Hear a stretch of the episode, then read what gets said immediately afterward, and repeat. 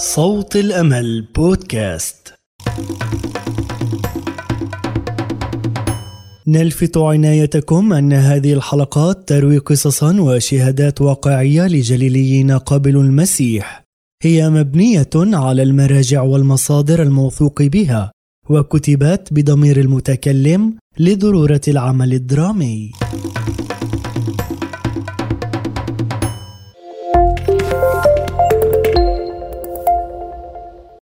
أنا جورج لاتي وهذه هي شهادتي.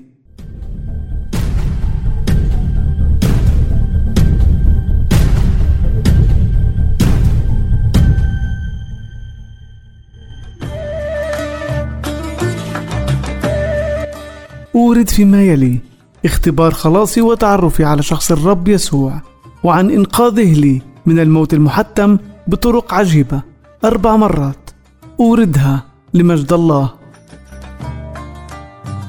عندما نشبت الحرب عام 1948 كنت في عكا. في الظروف الصعبة آنذاك اعتقلوني اليهود وأعلموني بأنهم سيشنقوني في يوم الغد. فقضيت تلك الليلة بخوف شديد وفي صباح الغد زارتني سيدة تعمل مع منظمة الصليب الأحمر وساعدتني على الهرب بواسطة التنكر وارتداء ملابس عاملي الصليب الأحمر. بعد الهرب من المعتقل سرت لمدة ثلاث أيام وثلاث ليالي دون أكل ولا ماء.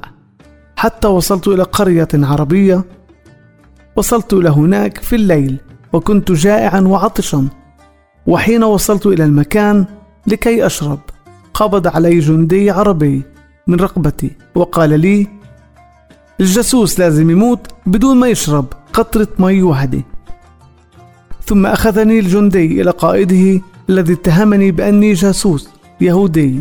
فقلت له اليهود اتهموني إني جاسوس عربي وانت بتتهمني إني أنا جاسوس يهودي. بس الحقيقة هي إني أنا مش جاسوس أنا مواطن عادي. ولكنه لم يقتنع وأمر الجندي بإطلاق النار علي وعلى ثمانية أناس آخرين في صبيحة يوم الغد. وضعني القائد في غرفة لوحدي. حيث قضيت تلك الليلة من السابعة مساء وحتى الثالثة طلوع الفجر بالصلاة الحارة. طالبا من الله إنقاذي من الموت. ورغم أنني كنت أتردد على الكنيسة في صغري إلا أنني لم أكن أعرف عن الخلاص بيسوع. والسبب هو أن أحدا لم يشرح لي عن ذلك. وبينما أنا أصلي كشف لي الرب كل خطيئة ارتكبتها. فابتدأت أصرخ إلى الله أن لا يرسلني إلى الجحيم. وبعد الصلاة ظهرت لي رؤيا لبحيرة من نار. ومرة أخرى صرخت إلى الله أن لا يرسلني إلى الجحيم والهلاك الأبدي. حينئذ شعرت بوجود الله يلمس كتفي وسمعت صوتا يقول لي جورج راح تكون بكرة في الناصري فظننت أنني أحلم.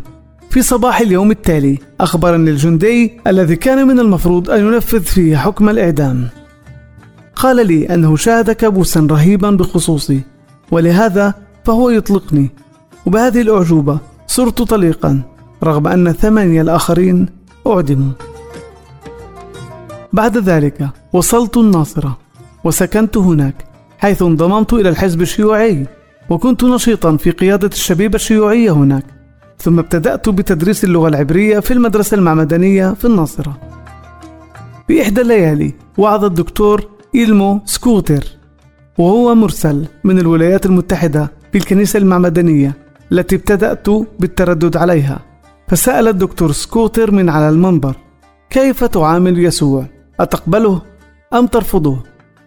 وشكرا للرب إذ في ذات الليلة قبلت الرب يسوع ربا ومخلصا لحياتي بعد ذلك أردت القيام بفريضة المعمودية ولكن زوجتي أنطوانيت رفضت فكرة اعتمادي لأني كنت قد اعتمدت في صغري إذ اعتقدت أنطوانيت أنني باعتمادي مرة أخرى أكون قد اقترفت خطيئة.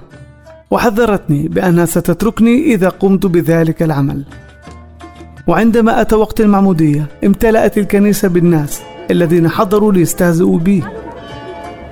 وقبل المعمودية شهدت كيف أنقذني الرب مرتين من الموت الجسدي وكيف قبلته كمخلصي الشخصي.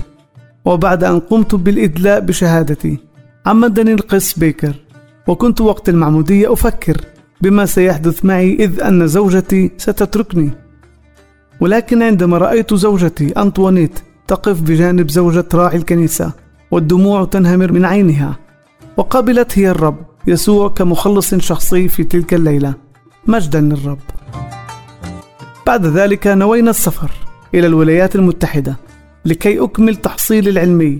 تركنا البلاد وسافرنا على الباخرة. وبينما نحن في السفينة المتجهة إلى أمريكا هبت عاصفة شديدة جدا ودق جرس الطوارئ. فصعدنا أنا وأنطوانيت إلى سطح المركب لنأخذ قوارب النجاة. ولكنني توقفت وابتدأت رأسا بالصلاة إلى الله قائلا يا رب إن كنت أنت رحمة فأرني الشمس. وبعدها صعدت إلى قارب النجاة وابتدأ القبطان يسألني بغضب عن السبب في تأخيري فقلت له أني توقفت لكي أصلي لأجل السلامة. وبينما نحن نتحدث توقفت العاصفة فنظر إلي القبطان بعجب كما لو أنه ينظر إلى يونان الثاني. وكانت هذه ثالث مرة ينقذني الرب فيها من الموت. وصلنا إلى الولايات المتحدة. وهناك درسنا في ولاية ميسيسيبي وخلال وجودنا هناك تعمدت زوجتي. بعد سنتين ابتدأنا بالاستعداد للعودة إلى البلاد للخدمة في الناصرة. خلال سفرنا عائدين إلى البلاد وصلنا نيويورك حيث اكتشفنا أننا فقدنا إحدى حقائب السفر. بعد 25 دقيقة وجدنا الحقيبة ولكن الطائرة التي كان من المفروض أن نستقلها كانت قد أقلعت. فركبنا طائرة أخرى متوجهين إلى البلاد بسبب تأخرنا لم يكن راعي كنيستنا القس بيكر في انتظارنا في المطار عند وصولنا فأخذنا تاكسي من المطار وذهبنا إلى يافا حيث يسكن أهل زوجتي ومن هناك اتصلنا بالقس بيكر ليحضر من الناصرة ليأخذنا وحين وصل إلى بيت أهل زوجتي ابتدأ بتقبيلي فسألته ليش هالقد عم تبوسني؟ فأجاب الطيارة اللي كان من المفروض إنه تسافر فيها أنت وأنطوانيت وقعت وتحطمت وقتل جميع ركابها الخمسة والسبعين. وكانت هذه المرة الرابعة التي ينقذني فيها الرب من الموت. لمدة سبع سنوات لم يرزقنا الرب بالأولاد. كل الأطباء قالوا لنا بأننا لن نرزق بالأولاد ولكني أؤمن بقوة الصلاة والصوم. بعد سبع سنوات استجاب الرب لطلبنا. ورزقنا بابن أسميناه صاموئيل. عندما أصبح عمر صاموئيل 15 عام مرض بمرض قاس ثم فقد بصره وسرعان ما توفى. وقد عانى صاموئيل معاناة شديدة ولكني واثق أن الرب آمين وأن ابني موجود الآن مع الرب. قمنا بالخدمة أنا وأنطوانيت بالكنيسة في الناصرة. لنا بنت واحدة روتي. المتزوجة من سهيل سعد من طرعان ويسكنون في الناصرة.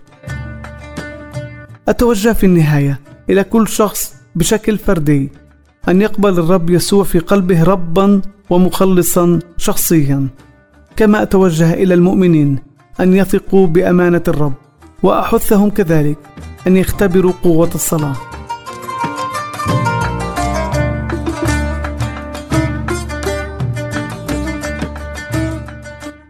كان معكم الياس مرجي من بودكاست الجليل يشهد. إذاعة صوت الأمل للشرق الأوسط.